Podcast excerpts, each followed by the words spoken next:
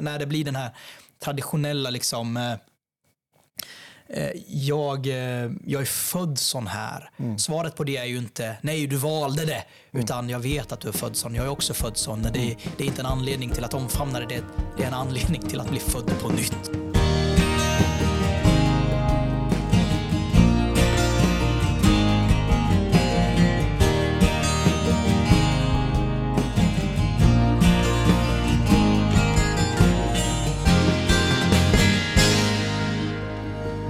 Ni känna er varmt välkomna till Evangeliet förändrar allt. En podcast från Rotad. Som vanligt med mig Joel Magnusson som ciceron. Fick jag till ett svårt ord. Och som vanligt vid min sida mannen som spelar andra fiol. Han som trots att han var inneboende i över en månad hos en av våra vänner fortfarande behöver be om vägbeskrivningen hem till honom när han ska besöka honom efter detta. Nima Motalebzadeh. Jag tycker jag fick till ditt namn bra där. Har du dåligt lokalsinne? Jag har eh, värdelöst lokalsinne. Eh, Det är jättedåligt verkligen. Förutom i Jönköping typ. Eh, Men till mitt försvar så bor Filip mitt ute i skogen. Hans närmsta granne är ekorrar. Liksom. Det, det är... Men det kanske också är, egentligen kanske det förenklar eftersom det är bara en väg som Ja, går till hans hus. Ja, ja, då vet jag det. det. Det hade jag faktiskt inte känt till innan att du hade dåligt Du lokalsinne. inledde avsnittet med att befalla människors liksom, känslor. Då ska ni känna er. Det fick mig att tänka på Piper som talar om att vi ska befalla våra känslor. Bibeln är full av sådana befallningar. Så jag Gläd dig. så jag Och lyckades så vidare. Liksom. Ja, precis. Ja. Det, det, det lät som att jag skulle pika dig. Men... Ja, jag var beredd på det. Jag tänkte, vad, vad kommer nu? Själv har jag insåg jag faktiskt sönn, eller förra söndagen när jag predikade eh, att jag har eh, väldigt dåligt si- simultankapacitet. Har du sett Robert Gustafsson, mannen med världens sämsta simultanförmåga? Nej. Nej, det är ett klipp från Nile City. Jag kände mig lite så. Jag skulle peka på munnen och säga munnen, för med din mun bekänner du med hjärta tror du. Men jag pekade på hjärtat och av tvärtom. Och även när jag försökte ta om det. Eh, januari har gått eh, till februari, övergått till februari och sedan vårt senaste avsnitt har du varit och predikat eh, hos oss på Tjörn. Fantastiskt Ja, roligt. jätteroligt. Eh, då hade vi en församlingsmedlem som kallade vår podd för en podd för Inbördes beundran. Jag. Det kanske är så det är. Det kanske borde bli undertiteln till vår, Precis. till vår podd. Evangeliet förändrar allt. Podden för un, inbördes beundran. Jag sa invärtes beundran. Förutom detta, har det hänt något spännande sen vi spelade in sist? Eh, Sofia och jag är väldigt tacksamma. Vi har fått eh, tag på en lägenhet i Jönköping. eh, På Tapa. Och vi... Det jag skulle säga är torpa. Precis. Så om Gud vill flyttar vi den 2 april. Om, vad är det, sex, sju, sju veckor kanske. Och vi har inte sett lägenheten. Jag har fått se några bilder först efter att jag signerat digitalt. Liksom. Men, men vi är väldigt tacksamma för det. Mm. Eh, Så det känns roligt. Flyttar ni inte första april för att det inte ska upplevas som ett aprilskämt? Vi, vi får tillträde till lägenheten eller så här, jo, vi har ju skrivit eh, på avtalet från första april, men det infaller på en röd dag och då får man hämta nycklarna först dagen efter. Okej. Eh, som klockan 13. Som alltid har vi en eh, personlig fråga och idag så har jag bett dig att leta fram eh, på din Spotify, Spotify Wrapped för att hitta de tre mest spelande, spelade låtarna under 2023. Eh, men jag inser ju att jag inte har min mobil på mig så jag måste hämta min. Men... Eh, är det sant? Ska du springa iväg nu då? Vi får göra en paus här då. Då var jag tillbaka och har hittat min telefon. Och eh, det du skulle göra var helt enkelt att ta fram Spotify och leta upp Spotify Wrapped, alltså dina topplåtar eh, under 2023. Så Just då får det. du helt enkelt dra dem, dina topp tre. Du ville ju inte dra den fjärde för den var inte godkänd. Nej, jag har tagit bort den från min lista. God låt som jag inte riktigt... Ja, vi släpper det. Eh, nu lät det som att, nu lät det som att den är olämplig. Det är ju inte så. Det är dålig teologi i den tycker jag. Så jag har tagit bort den även om jag tycker att den är väldigt fin. Eh, men den första är en sång då som heter We Rise and Worship som jag upptäckte förra året tror jag. Som jag har lyssnat sönder på. Jag och min Är det- fru är är väldigt glada i den. nu?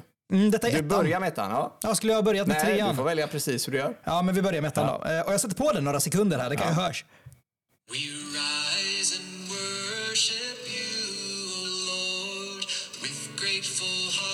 Vem är artisten? Eh, Nathan Clark George eh, och någon mer, Gregory någonting. Eh, jag tror att plattan heter Reformation Hymns eller någonting sånt där. Den är väldigt god eh, och den blir bättre och bättre ju längre in i sången man går, kommer. Så det är nummer ett. Nummer två är psalm 150, Praise the Lord av Matt Boswell och Matt Papa. Kan inte påminna mig om att ha lyssnat på den så mycket under förra året. Jag, jag vill tro att det fanns andra sånger som jag lyssnade mycket mer på, men, men Spotify ljuger väl inte för oss. Och den tredje är Come Ye Sinners av Travis Cottrell och Keith and Kristin Getty. Jag, jag försökte hitta om jag hade psalm 150. Jag trodde att jag hade den på topp, men eh, jag hittade inte den. Ja, vilka har du då? Börjar du nerifrån? Jag börjar på tredje plats. Ja. Ja. Our God will go before us med eh, Keith and Kristen Getty, Matt Boswell och så vidare. och så Ja, vidare. just Our, God will go before us är tredje mest spelade. Och sen så är eh, Shane och Shane två sånger som jag mest spelade. Det, på andra plats är det All Sufficient Merit Fantastisk. som jag trodde att de sjöng Mary. Nej, det trodde jag inte, men jag tyckte det. Bara, vad sjöng de Mary? Alltillräcklig Maria. Ja, precis. Eh, och på första plats så kommer eh, Shane och Shane, You've already won. You, you've already won.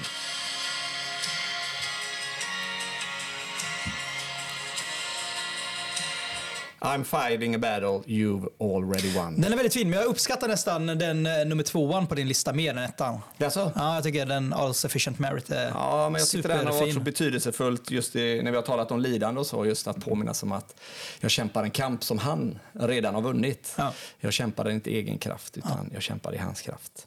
Ja, intressant. Då vet ni lite mer om vårt... Eh, Hur fromma vi är. Vi hur på bra- oss. Ja, precis. Tur Det var ingen jag, Per Gessle där. Inte. Ja, jag tror att jag faktiskt hade Habibi någon gång av de. Det, där klipper vi bort. Dr Bombay Ja, precis. Eh, för barnen lyssnar ju på min telefon en del, så det, det kan letas in en del. Vi ska nämna också, eh, bara som en påminnelse, om Utrustad 2024, eh, Hjärtats tårar, Trösten i Saltarens klagosånger, 8-9 mars. Gå in och anmäl er. Ni hittar länk i avsnittsbeskrivningen. Christopher Ash och eh, Martin Helgesson kommer bland annat förkunna. Det blir superbra. Eh, Kul. men Nima, vet du vad som händer den 10 mars, alltså dagen efter konferensen? Eh, Den 10 mars, dagen efter konferensen, en söndag. Mm. Men just 10 mars? Fyller år. Nej, vi fyller år. Gör vi det? Ett år sedan vi släppte vårt första avsnitt på podden. Nämen. Eh, den 10 mars 2023 släppte vi vårt första Jag tänkte att det avsnitt. är inbördes beundran och så. Ja, nu kom- du bara, vet du vad som händer Nima? Har du köpt någonting till mig? Precis, nu ska vi fira oss själva. Och vi är ju verkligen tacksamma över att få möjligheten att göra den här podden och att så många ändå lyssnar till den och uppskattar det vi gör. Så stort tack till alla er som lyssnar och framförallt är vi tacksamma till Gud för att den här möjligheten öppnas för oss. Det är Verkligen. Väl, väldigt roligt att göra det. Och Desiring God som har eh, stått för utrustningen du har köpt. Det är fantastiskt. Och Fiskevägskyrkan som vi sitter i, eh, som lånar ut eh, ett av sina rum. Men framför oss till oss själva. Därför att vi är en klubb för inbördes beundran. Framför allt, tack till oss själva. Och jag ska säga det att jag vill uppmuntra er. Har ni eh, frågor, invändningar, tankar? Det har varit lite, lite av det från, i alla fall till mig. Eh, kanske fler till dig, jag vet inte Nima. Men alltså, vi uppskattar om ni har eh, liksom, tankar, frågor, funderingar, invändningar. Eller om ni skulle ha tips på typ, varför tar ni inte upp detta ämne? Så hör gärna av er på det enklaste gör man väl via sociala medier och många av er har väl våra nummer så då kan ni ringa oss. så gör gärna det. Eh, och sedan så, du nämnde det, jag skulle också säga att jag vill skicka med lyssnarna ett, ett bönämne. Eh, att vara med och be för Nima och Sofia med flera som kommer att alltså, flytta till Jönköping i april då och starta upp, säger jag rätt, Berea Jönköping? Jönköpings baptistförsamling Berea. Berea. Precis. Och, JBB. och Berea syftar till Apostlagärningarna 1711. 1711. Det står om de bereanska judarna som forskade dagligen i skrifterna prövade apostlarnas förkunnelse mot Guds ord. Precis. Så var gärna med och be för det. Be, vi, eh, vi har inte delat i podden, men vi har delat det du och jag, att hur Gud har försett er och lett er steg för steg i detta. Och att Ja. var gärna med och be att han gör det i fortsatt i uppstarten. Ja. Eh, och det även att vi ska få möjligheten att fortsätta med podden kan ni också vara med och be över, över när Mm. vi eh, bor lite längre ifrån varandra.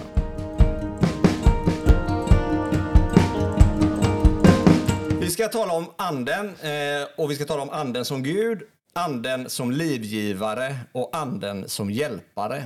En, en formulering eh, utifrån evangeliekatekesen, alltså på engelska New City. Är det den Tim Keller och deras församling Precis. eh, skrev? Ja. Det är att, att han är Gud, evig med Fadern och Sonen och Gud ger honom till alla, till oåterkalleligt till alla som tror.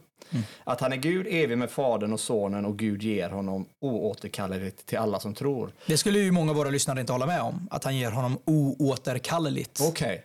Eh, det vill säga att anden aldrig lämnar den som, Som tror. den som tror. Nej. Eh, så det finns ju olika läror där. Ja. Jag, jag delar ju helt och hållet det som du precis sa. Och du hade ju någon även eh, från, en, från den a- a- atha, a- Atanasianska, men nu tog du nog fram den nicenska istället faktiskt. Den nicenska? Eh, precis. Och som helt Det var enkelt, lite lättare att säga också. eh, precis. eh, som säger att vi tror och på den heliga ande, det är ju den tredje artikeln.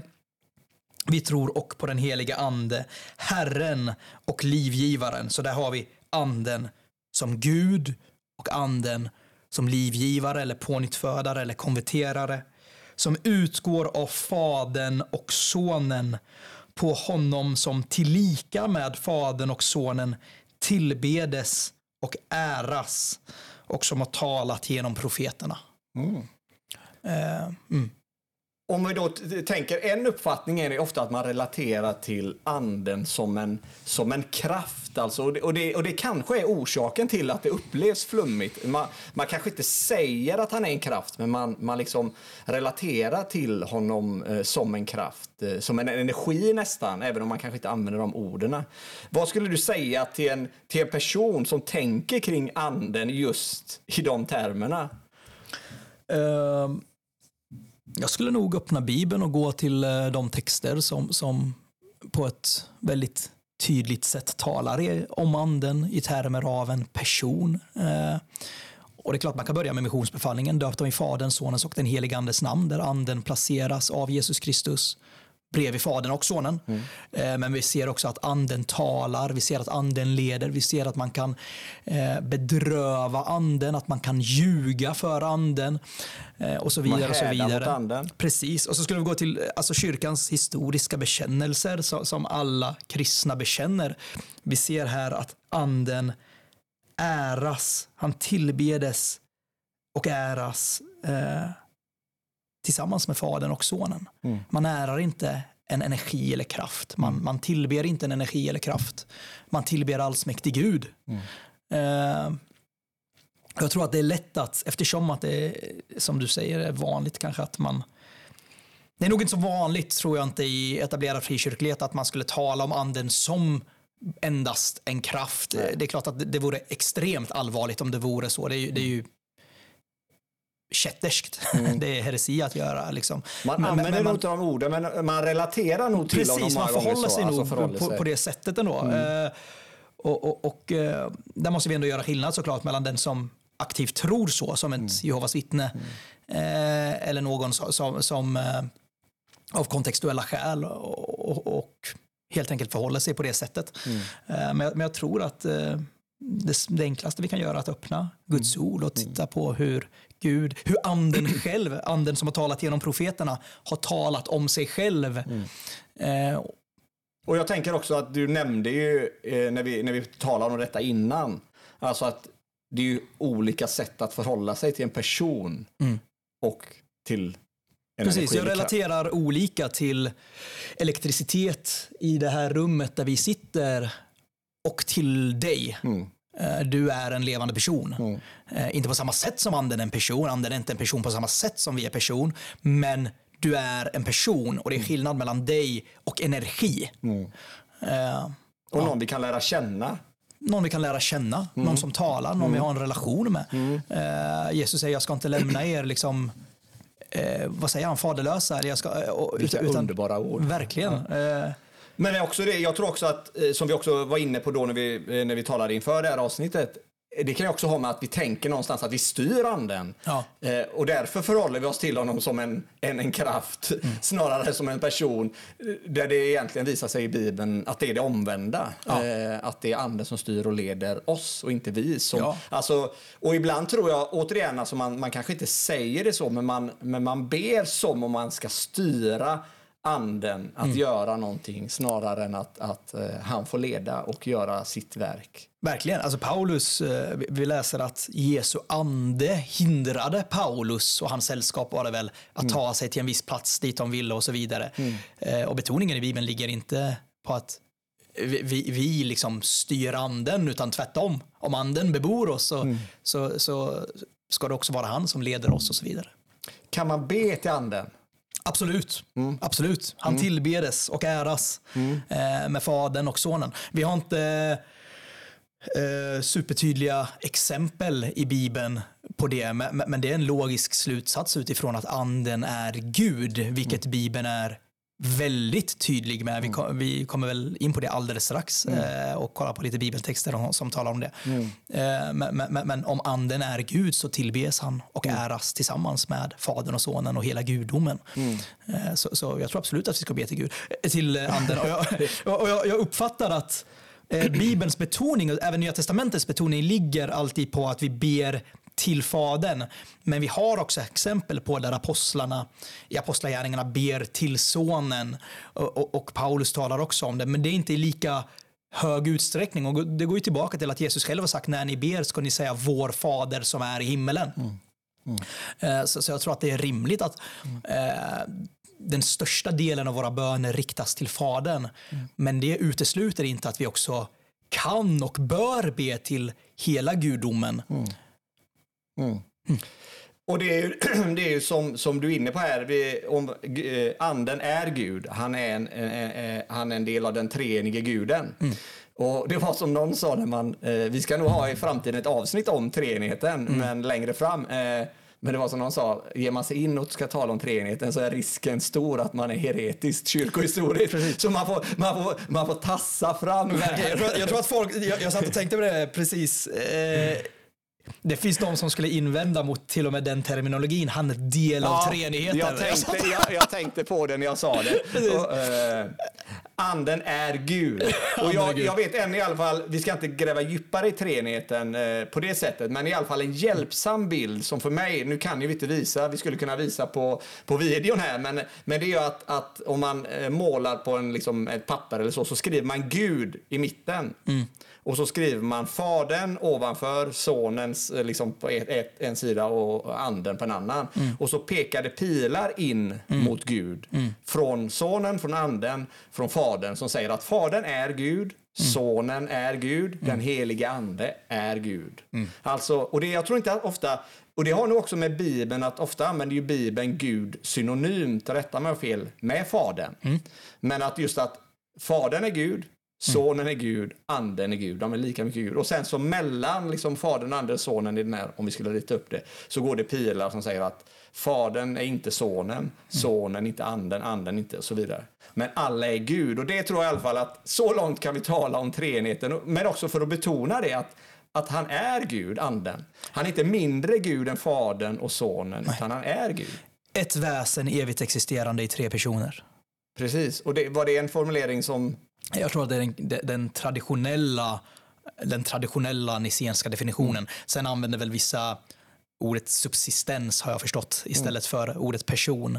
Eh, men men eh, ja, Men det är väl den så långt man ändå kan säga också att Precis. liksom, om man inte ska gräva djupare gudiska med treenigheten så är det väl just det man i alla fall behöver veta. Att det liksom anden är Gud lika mycket som fadern är Gud, lika mycket som sonen är Gud. Men Absolut. de är liksom inte Absolut. varandra om man, om man får säga så. Olika personer. Ja.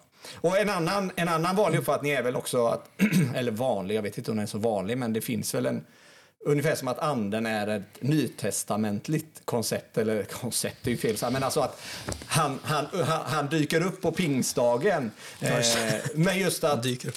Han dyker, Genom- ner, dyker ner kanske. han dyker ner.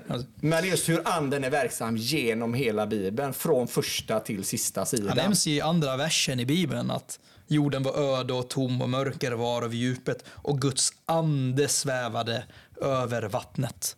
Så i de tre första verserna i Bibeln ser vi Fadern, Sonen och Anden. Vi ser Fadern, att Gud skapade himmel och jord. Och sen ser vi i versen efter att Guds ande svävar över vattnet och i tredje versen står det Gud sa var det ljus och vi vet eh, utifrån Nya Testamentet att eh, Kristus är ordet eh, genom vilket världen blir skapat. Så vi ser liksom att den treenige guden i första versen är verksam. Och han är verksam som treenig gud genom hela Bibeln. Och vi talade ju det om i avsnittet om, om Jesus som sonen, liksom som att det är först i, i, i Betlehem som han blir människa, men han är evigt existerat. Och samma är, med, samma är det med anden. Ja. Han är verksam genom hela Bibeln och det kan vi se när vi läser genom profeterna, genom Mose, eh, i templet och så vidare, Ja. så är han verksam. Ja. Och, och också skulle jag säga att det blir tydligt eh, när vi läser, kommer till Jesus hur liksom genomsyrad hela berättelsen om Jesus är av att anden verkar i och genom Jesus. Verkligen. Det är ge, genom anden som Maria blir befruktad, jungfru Maria blir befruktad. Eh, Jesus blir till genom den heliga anden som människa och så vidare. Så följer ju det genom hela liksom, Jesu liv, att det är i andens kraft som han verkar. Ja, och vi ser ju alltså, eh, vid Jesu dopscen, eh, Jesus döps av Johannes döparen. Faderns röst hörs från himlen. Detta är min älskade son. Eh, I honom har jag mitt välbehag. Och anden sänker sig som en duva över Jesus. Vi har gudomen, vi har treenigheten här. Och det finns många texter i Nya Testamentet, inte minst i de paulinska breven, som nämner Fader, Son och helig ande eh, i samma text. Liksom. Och där, där, det är tydligt att det här är distinkta personer, men det är en gud Och vad skulle du säga då om, vad är skillnaden med, nu säger vi att anden är verksam genom hela Bibeln och det blir tydligt när vi läser. Och, och liksom, vad skulle du säga är skillnaden mellan anden i gamla testamentet och i nya testamentet? Nej, inte att han är någon skillnad mellan, men vad blir liksom... Ja, nej, men, eh, det har, jag, jag tror att det har med förbundsteologi att göra i första och främst att eh, löftet om anden är ett löfte som kommer med det nya förbundet som har profeterats om i bland annat Hesekiel 36 att, och, och Joel, liksom att Gud ska utgjuta sin ande över allt kött och att Jeremia 31 med va? Om Exakt. att lagen ska skrivas. Precis, att anden tar boning i varje troende. Så jag tillhör ju de som tror att eh, helgonen i GT, de som har det rättställt i Gamla Testamentet, de var födda på nytt. Det vill säga för att ha det rättställt med Gud måste man vara född på nytt. Man måste ha blivit en ny skapelse i Kristus. Man måste ha fått ett nytt hjärta. För om man inte har fått ett nytt hjärta så hatar man Gud. Man är en syndare, man älskar synd. Men det, jag tror inte att det är samma sak som att säga att de var bebodda av den heliga ande. Så på engelska gör man skillnaden mellan regenerated, vilket betyder pånyttfödd, och, eller new birth, och the indwelling of the Holy Spirit. Liksom, vilket jag tror är ett nytestamentligt eller nya förbundets, det som är signifikant för det nya förbundet. Eh, här kan man tänka olika. Jag vet att det finns de som menar att även i GT var helgonen bebodda av anden på ett särskilt sätt. Men, men, men jag- uppfattar att det finns någon form av distinktion där. Någon skillnad. Eh, någon skillnad mellan att vara det känns hemskt att säga bara pånyttfödd, men det, det i sig är ju det största. Men också att i det nya förbundet Eh, eller snarare, jag ska inte säga i det nya förbundet, för även helgonen i GT tillhörde det nya förbundet. Men det nya förbundet hade inte instiftats än, så de levde inte i det nya förbundets era, utan de var frälsta på grund av det nya förbundet genom löften och typer innan dess fulla avslöjande och uppenbarelse i det nya testamentet. Men vi som lever i det nya förbundets era efter uppståndelsen, efter pingstdagen, vi är bebodda av den heliga ande. Vi är den heliga andes tempel. Eh, För och det har jag ju alltid inte- tänkt liksom, att Joel då talar om att det är skillnaden att då ska alla Precis. Eh, och nu ska vi kanske inte gräva djupare för du nämnde förbundsteologin och redan där så känner jag mig ute på tunn is. Men just att, att jag tänker att skillnaden eh, som jag uppfattar det är ju Allt Guds folk. Allt Guds folk Ja. skulle få del av den heliga, Ja. eh, heliga ande. Precis. Till skillnad från i gamla testamentet där han tydligare vilade över liksom, kungar och profeter. Precis, och det finns, vidare. det finns ett mönster där att man ser i gamla testamentet. Och ä- även här är det lite snårigt för det finns undantagsexempel som jag tror att man behöver åtminstone på något sätt förklara teologiskt och exegetiskt. Men, men anden är över individer i gamla testamentet, över profeter, domare, kungar, präster. Men i nya testamentet så är han i oss. I gamla testamentet är han bland dem och över dem. Men i Nya Testamentet är han i oss. Och det kommer vi till senare. Det är ju helt otroligt. Ja, det är det. Och för jag tänker ju att också, har vi exakt vers, Jeremia 31, vers kommer vi inte på nu. Och Hesekiel 36, 22 tror jag det är. Eh, Någonstans där som talar om det, om att, om att vi ska få nya hjärtan, vi ska få, vi ska få eh, lagen ska Precis. skrivas på. På, båda, båda, båda, nu, nu snubblar jag över orden. Båda. Eh, båda de här eh, kapitlen vi nämner, Jeremia 31 och Hesekiel 36, är ju löften om det kommande nya förbundet som Gud ska sluta med sitt folk. Eh, Nej, detta är förbundet som jag efter denna tid ska sluta med Israels hus, säger Herren. Jag ska lägga min lag i deras inre och skriva den i deras hjärtan. Jag ska vara deras Gud och de ska vara mitt folk och så vidare. och så vidare. Ingen ska behöva undervisa sin broder. Eh, det är klart, betoningen ligger lite mer just här på Nu läste du, Pånyttfödelsen. Jer- läste du Jeremia. Jeremia 31. Eh, I Hesekiel 36 så står det ju också det kopplas ju återigen samband med pånyttfödelse. Man kan inte skilja på dem, eller man kan skilja på dem men man ska inte separera dem från varandra. Eh, Men det kopplas tydligt till anden. Jag ska stänka rent vatten på er så att ni blir rena. Jag ska rena er från all er orenhet och från alla era avgudar. Jag ska ge er ett nytt hjärta och låta en ny ande komma in i er. Så å ena sidan ser vi ett nytt hjärta, men vi ser också att anden ska bebo eh, medlemmarna i det nya förbundet som bor under det nya förbundets era. Eh, Ja. Så vi ser helt enkelt anden är verksam genom Anden är verksam. Bibeln. Men det blir tydligare att han är i de troende efter pingstdagen. Mm. På samma sätt som med ordet eller Kristus. Han är tydlig i Gamla Testamentet. Eh, men han uppenbaras på ett nytt sätt. Vi tror på en progressiv uppenbarelse. Och, och Stegvis enligt, precis, eh, enligt Guds, Guds visa eviga plan så, så uppenbaras Kristus. Eh, Och vi kan ju se när i, i Johannes eh, 14 är det framåt, var Jesu avskedstal, hur han flera gånger nämner att eh, anden, hjälparen ska komma, en Precis. annan hjälpare. Och så er. säger, så säger eh, Jesus där att fadern eh, ska sända honom. Mm. Eh, och sen i Petrus pingsttal i Apostlagärningarna 2 eh, och 33 så säger han att, att Jesus har stigit upp till faderns högra sida och har sänt den helige ande. Mm. Ja. Och det är bara som en liten notis, alltså att fadern och sonen är de som sänder båda, Ja. sänder anden till Och det är det mest fundamentala enligt den liksom klassiskt trinitariska teologin. Man kan säga om anden att han utgår av fadern och sonen. Vi läste det också här i trosbekännelsen. Som utgår av fadern och sonen. Det är klart att eh,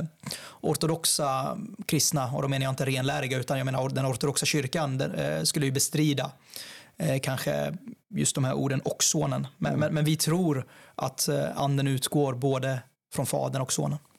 Skulle man kunna säga att anden tar sin boning, eller fadern och sonen tar sin boning i oss som tror genom anden? Ja, jag uppfattar att det är det Jesus säger.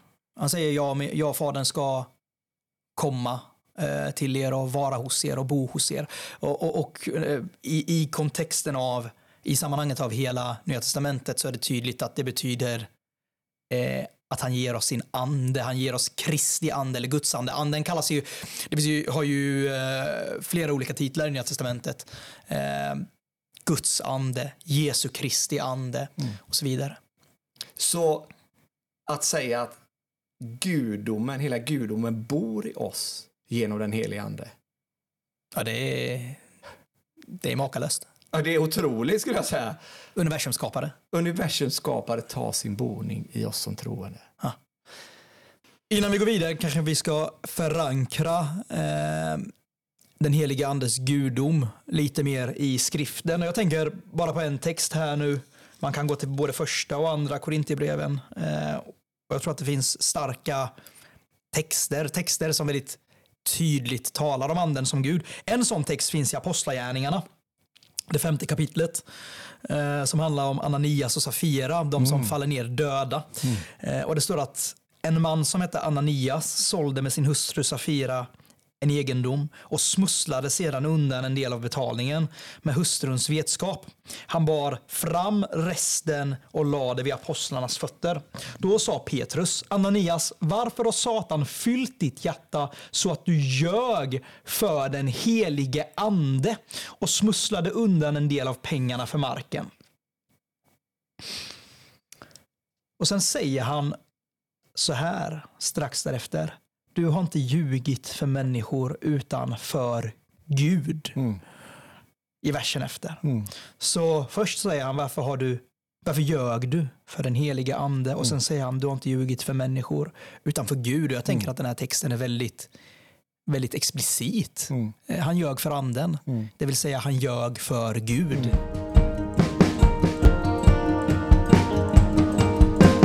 Vi har talat om anden som Gud och nu till den andra punkten att anden som livgivare. Och för att sammanfatta den punkten så skulle man väl kunna säga att det, att det vi talar om här är det är anden som frälsar en människa, det är anden som helgar en människa, det är en anden som ger frälsningsvissheten, att Ja. jag tillhör Gud. Ja. Eh, ingen människa kan komma till tro utan genom att anden gör sitt verk i den troende och ingen människa kan helgas om inte anden gör sitt verk och, Ja. och så vidare. Och det går inte att vara livgivare om, om man inte är Gud. Om man inte är Gud. Det går inte att formulera det meningen på ett bättre sätt. Men, men om inte anden hade varit Gud hade han inte varit livgivare. Därför att Gud är livet och Gud är den som ger livet. Eh, och allt. Och det finns ju en koppling att Gud är den som en gång blåste liv in i människan. Alltså gav henne fysiskt liv. Och det är han som måste ge andligt liv. Ja. Eh, Och det är nog därför Jesus i Johannes, kommer jag inte ihåg kapitlet, men det är väl 20 efter han uppstått, andas på eller liksom, Ja. eh, och ge dem. Ja, Men du hade ju några texter där som vi nu ska titta på som just understryker, det finns ju väldigt många texter som, som understryker att anden är livgivare och, och vi tänkte titta på några nu. Ja, precis. Eh, Och ordet livgivare kommer nog i mångt och mycket från de här texterna. Så vi talar om Hesekiel 36 som talar om att i det nya förbundet ska vi få nya hjärtan och att anden ska ta boning i oss. Och så står det i kapitlet efter, eh, i kapitel 37 om de förtorkade benen som får liv, som ju är en profetia eller en, en bild på det som ska komma. Eh, med pånyttfödelsen. Och det står i vers 9. Då sa han till mig, profetera till anden, jag profeterar du människobarn och säg till anden, så säger Herren Gud, kom du ande från de fyra väderstrecken och blås på dessa slagna så att de får liv. Och jag profeterade som han hade befallt mig, då kom anden in i dem och de fick liv och reste sig upp på sina fötter, en mycket stor skara. Eh, och det fortsätter, jag skulle rekommendera Återigen vers 14. Jag ska låta min ande komma in i er så att ni får liv och jag ska låta er få bo i ett land. Så, så, så det kopplas samman flera gånger i den här texten, i det här kapitlet. Och det var ju det som Guds folk liksom väntade på att detta skulle ske. Ja. Ett nytt liv skulle komma igenom Guds ande. Och, och, och sen ser vi i Johannes 1 hur, hur, eh, hur, hur, hur det står att i, i vers 12 till 13, men åt alla som tog emot honom gav han rätten att bli Guds barn. Och de som tror på hans namn, de är inte födda av blod eller av köttets vilja eller av någon mans vilja, utan av Gud. Och här står ju inte specifikt anden, men i den här texten så blir det åtminstone väldigt tydligt att, att de som tog emot genom tro, de blev Guds barn.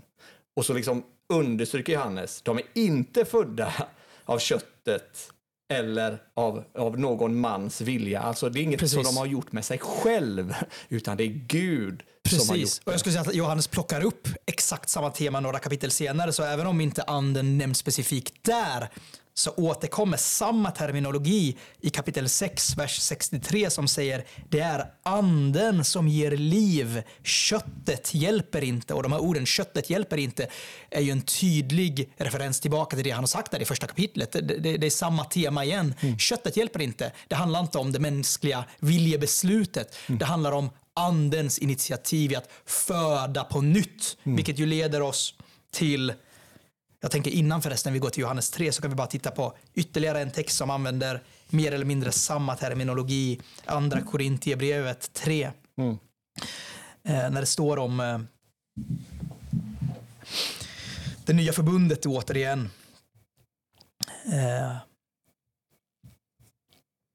och görs skillnad mellan tavlor av sten och tavlor av kött i våra hjärtan. Och så står det i vers 4 och framåt, en sådan tillit till Gud har vi genom Kristus. Inte så att vi av oss själva kan tänka ut saker på egen hand, utan vår förmåga kommer från Gud. Han har gett oss förmåga att vara tjänare åt ett nytt förbund som inte är bokstavens utan andens. Bokstaven dödar, men anden ger liv. Anden är livgivare.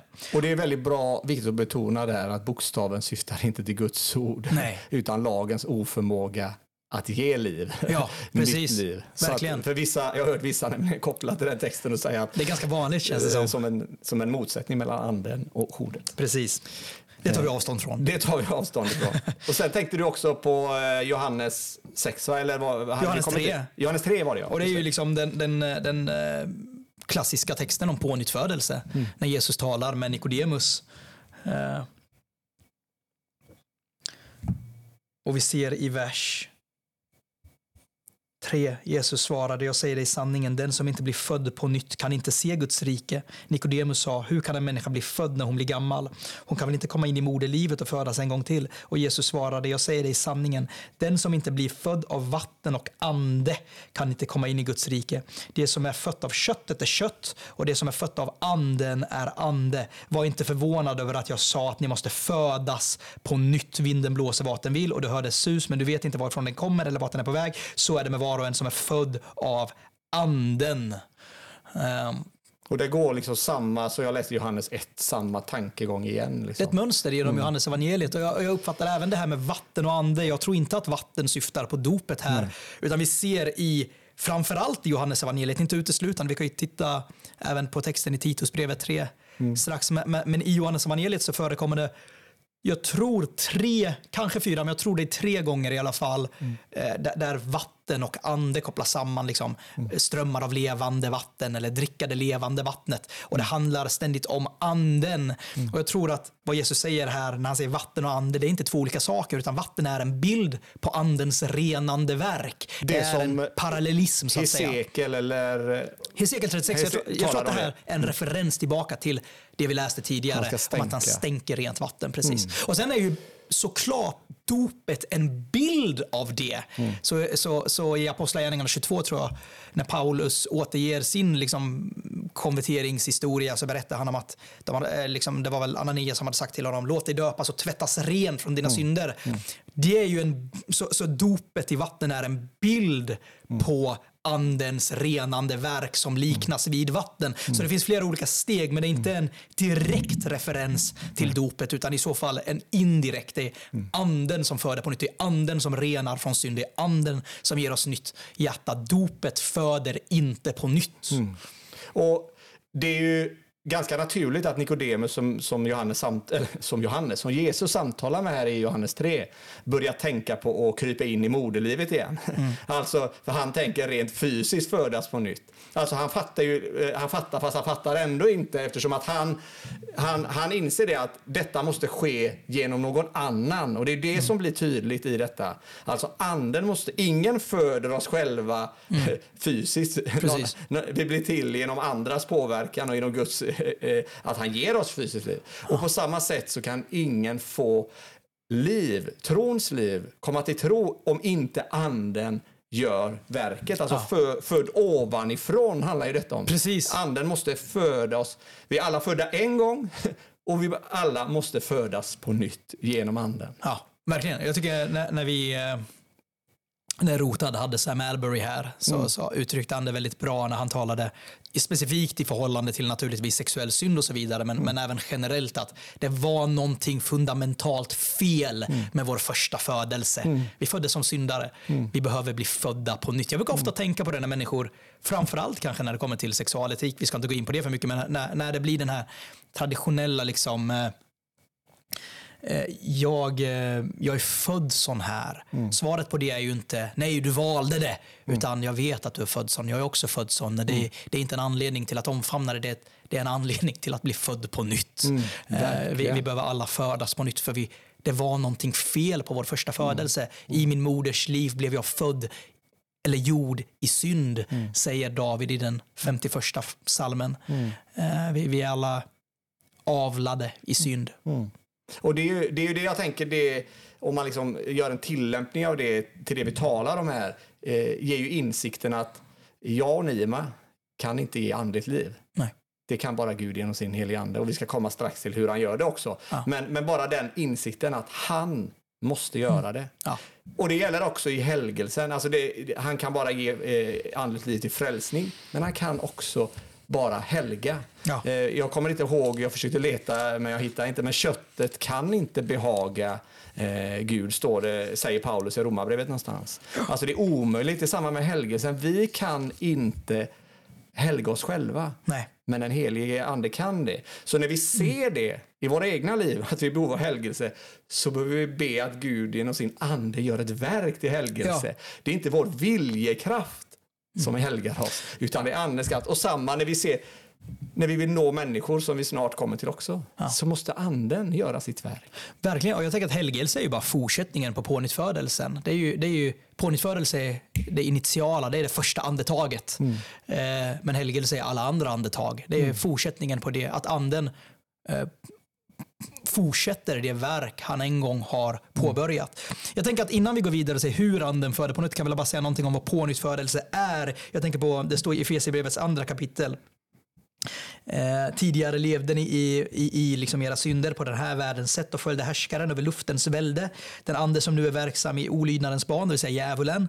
Bland dem var vi alla en gång när vi följde våra kötsliga begär och gjorde vad köttet och tankarna ville. Av naturen var vi vredens barn, precis som de andra. Men Gud som är rik på barmhärtighet har älskat oss med så stor kärlek även när vi ännu var döda genom våra överträdelser att han har gjort oss levande med Kristus. Så, så att bli född på nytt är att bryta med det gamla livet. Och, det, och det som händer är att vi får nya ögon, eller vi får ett nytt hjärta och med det nya ögon, nya öron, nya sinnen, ny vilja, nya begär. Det mest grundläggande skillnaden mellan en kristen och en icke-kristen är olika begär. Vi begär inte längre. Det är klart att vi fortfarande har kvar dröjande synd i våra liv, eh, men, men vårt begär är inte längre synd utan helighet. Vår begär är Gud, relationen med Gud. Eh, att födas på nytt är när Gud liksom kastar ut människor från Edens lustgård och det skapas en barriär, en andlig barriär mellan människa och Gud. Det är när den barriären tas bort. En relation med Gud och att, och att våra viljor, våra sinnen, våra begär, våra intellekt, våra känslor, allting genomgår en radikal förändring så att vi blir gudvända. Eh, Och det sker med oss genom den helige ande. ja, Det precis. är hans verk i oss. Precis. Det är Vi är ju så påverkade av det här beslutsfattartalet. Liksom. Att vi ofta tappar bort att pånyttfödelsen. Nu avbröt jag dig, jag ber om ursäkt. Nej, men att också att han upp, det är han som öppnar våra ögon så att vi ser Kristus. Johannes, eller Jesus säger det i Johannes 16 att, att eh, anden ska förhärliga, Johannes 16 och 14, han ska förhärliga mig och han ska ta det som är mitt och förkunna för er. Det är han, den helige ande som öppnar våra ögon så att vi, så vi ser Jesus. Så vi ser sanningen i evangeliet. Ja. Eh, han för oss till omvändelse och tro. Och så att vi ser vår egen synd. Ja, Alltså, vi, har, vi har en kille som nyligen har blivit frälst som kommer till vår församling. Och när han berättade för mig i söndags om sin pånyttfödelse i december. Han bara, och jag ser nu både runt omkring mig men framförallt liksom i mig så ser jag så mycket mörker. Jag bara, det är för att anden har öppnat dina ögon. Det är så fantastiskt liksom, att få höra hur han beskriver den här eh, säga, resan, det som har hänt, liksom, en radikal förvandling. Han bara, det gamla livet, det är liksom några veckor sedan, men det känns så långt borta. Därför att jag har blivit en ny människa.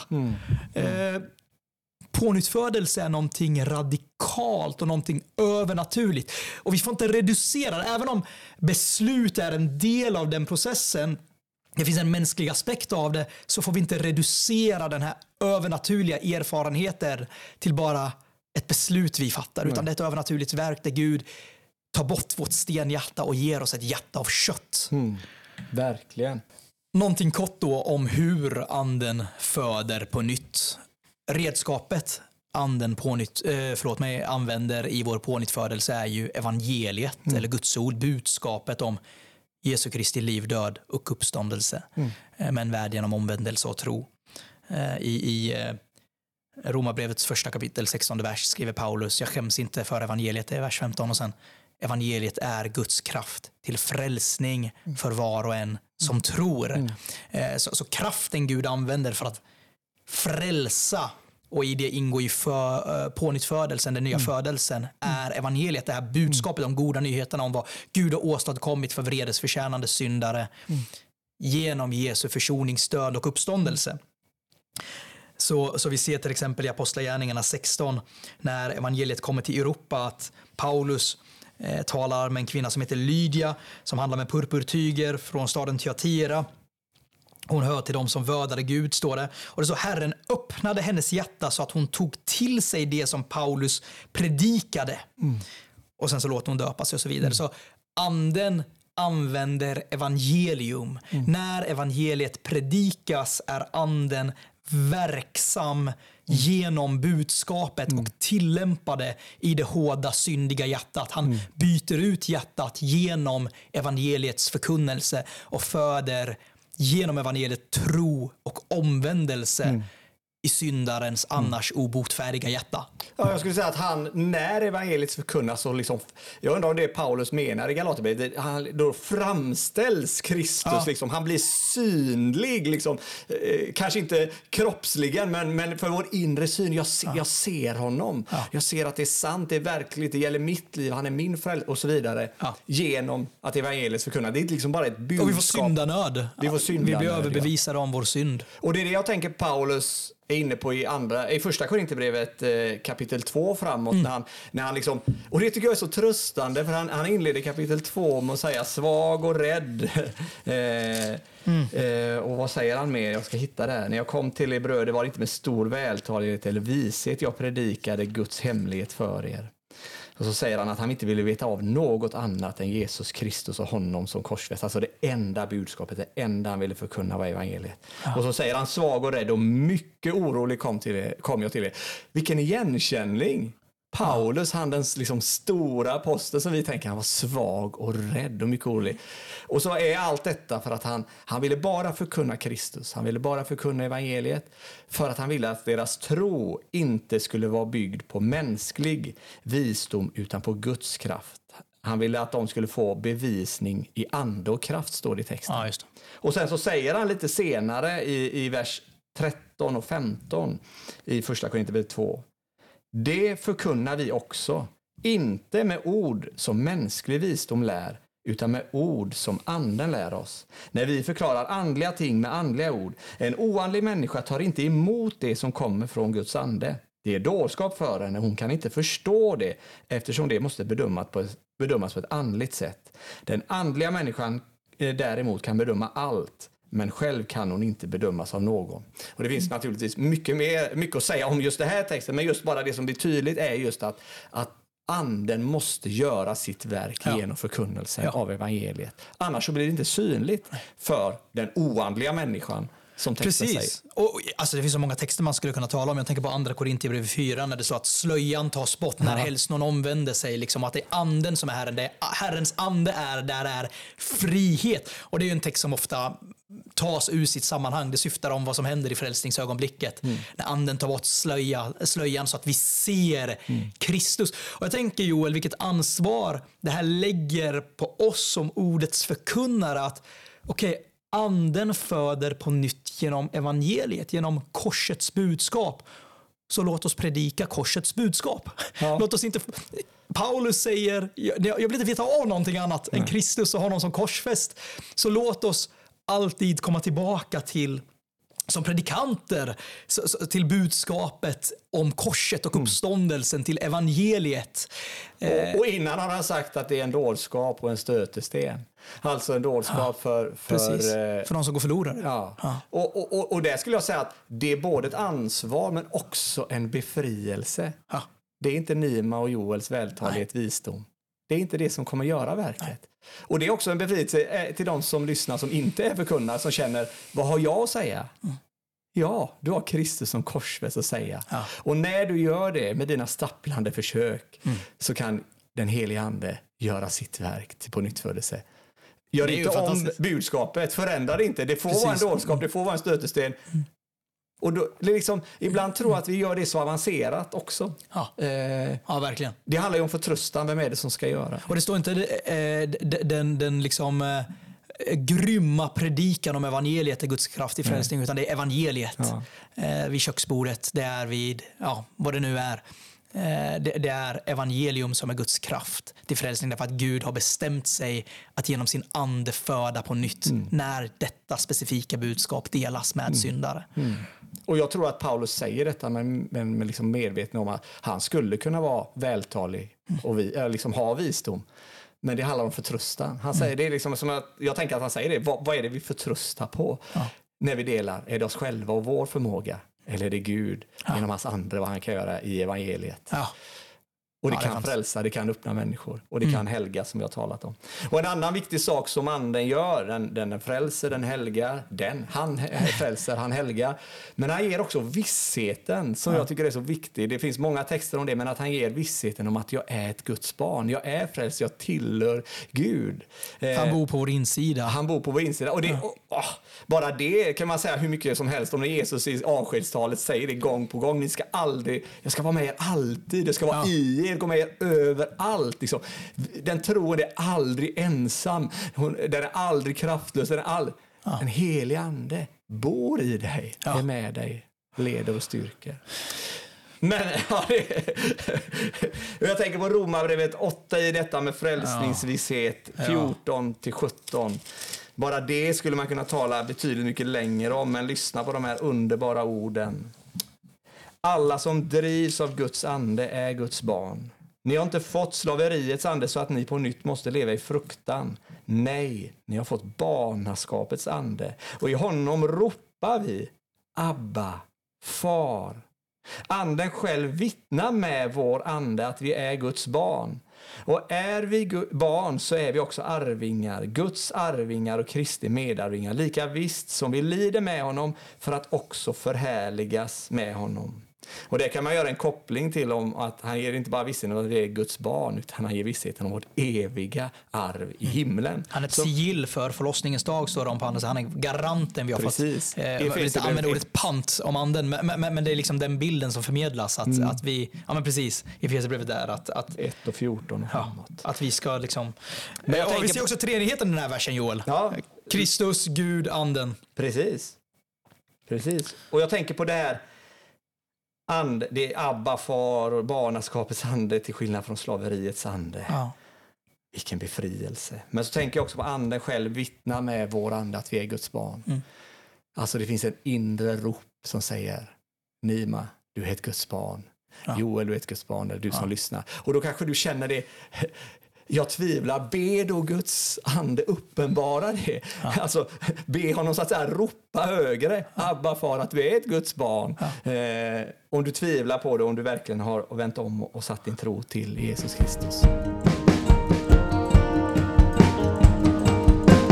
Vi var ju väldigt strukturerade och sa att vi hade en trepunktspredikan eh, här, en trepunktsupplägg. Men vi inser det när vi sitter där och samtalar att vi kommer inte hinna med den sista punkten så mycket som vi ville. Så därför så tar vi den snarare kanske vid ett annat tillfälle. Och till exempel som andens gåvor tänker vi att vi vill gärna tala om ett helt avsnitt vid något tillfälle.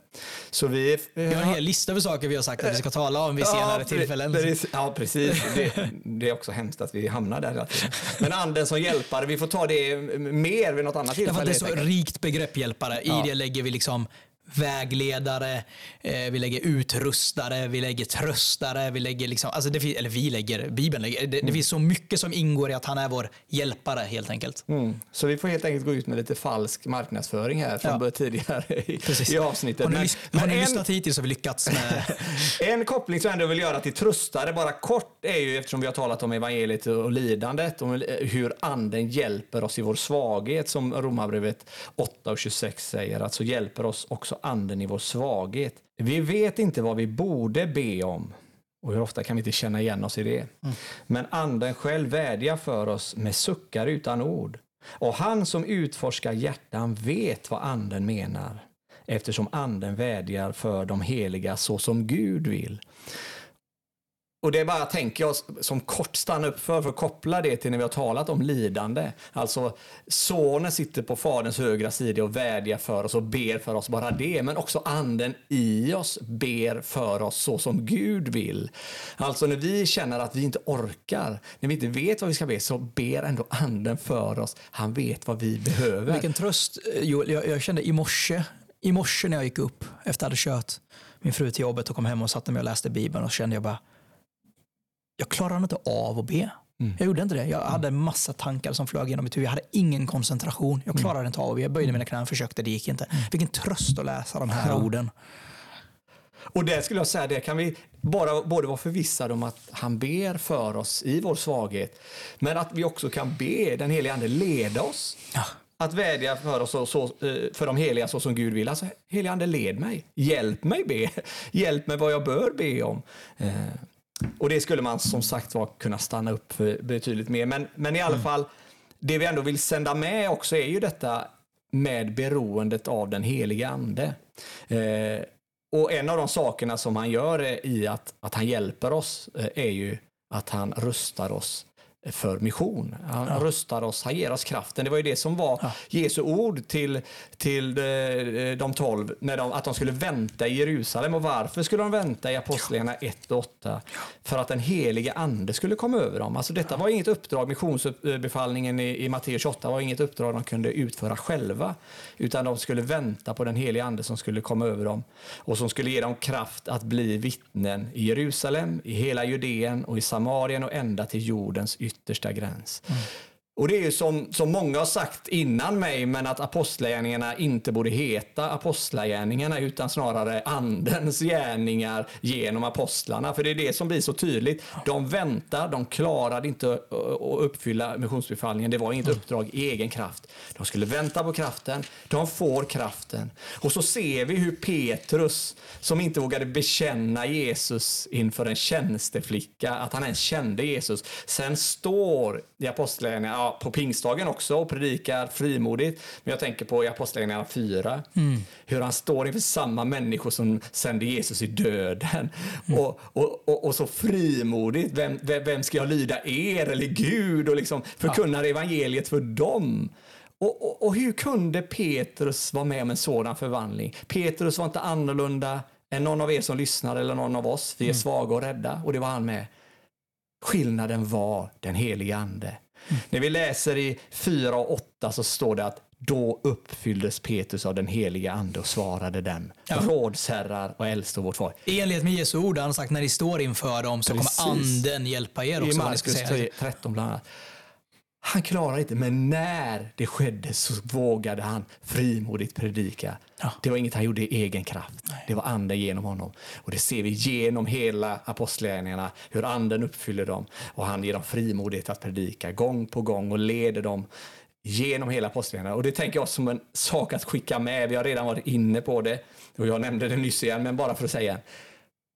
Vi klarade inte egen kraft. Vi behöver kraften som Gud förser oss genom sin heliga ande för Ja. att utföra allt det han kallar oss till. Ja. Mission, en del, eller evangelisation, att nå, nå människor. Ja. Och då kan faktiskt så, samma sak som skedde med Petrus, det kan ske med oss. Frågan är om vi vill vara beroende. Frågan är om vi vill be honom.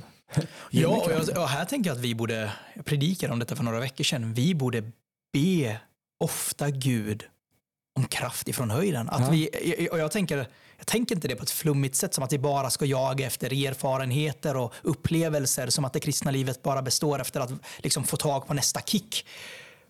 Men låt oss dröja, alltså jag behöver detta så mycket, dröja kvar inför Herren och ropa ge mig mer av din heliga ande. Fyll mig! Alltså jag, vill, jag vill bli fylld på nytt. Jag vill inte, Paulus talar om det som något kontinuerligt. Låt er inte berusas av vin utan låt er istället uppfyllas av anden. Det skriver han till kristna som är bebodda av anden, som är fånitfödda. Sök mer, det finns alltid mer. Vi behöver Guds andes kraft i våra liv. Eh, ja, Vi behöver det så. Ja. För vi är så vana vid att gå i egen kraft. Ja. Och så säger Paulus i slutet av kapitel 1 i Efesierbrevet att samma kraft som uppväckte Kristus från de döda är verksam i oss som tror. Ja. Men hallå! Men halleluja trodde du skulle Ja, men säga. halleluja. Nej, men liksom, och det, det, Ja. det saknas inte i kraft. Nej. Det är frågan om vi vill be honom. Ge mig kraften. Ja. Led mig. Uppfyll mig. Och Jesus själv säger att om ni är onda, om ni som är onda ber Mm. liksom, eh, om, ni kommer inte ge liksom en orm till er unge som frågar om en fisk. Skulle inte er far i himmelen ge helig ande Mm. till den som ber honom? Eh, och det är bara den som är kristen, den som redan har anden, som faktiskt ber om anden. Så han säger detta till kristna, Mm. till efterföljare, till, till, till andebebodda individer. Mm. Be Fadern i himmelen om helig ande. Så anden är Gud, anden är livgivaren och, och, och nu tog vi lite kort ändå, anden är hjälparen. Och det vill vi skicka med, er med som, kraft. Ja. som lyssnar. Han är hjälparen i allt. Så be honom om hjälp. Gud själv bor i dig som tror.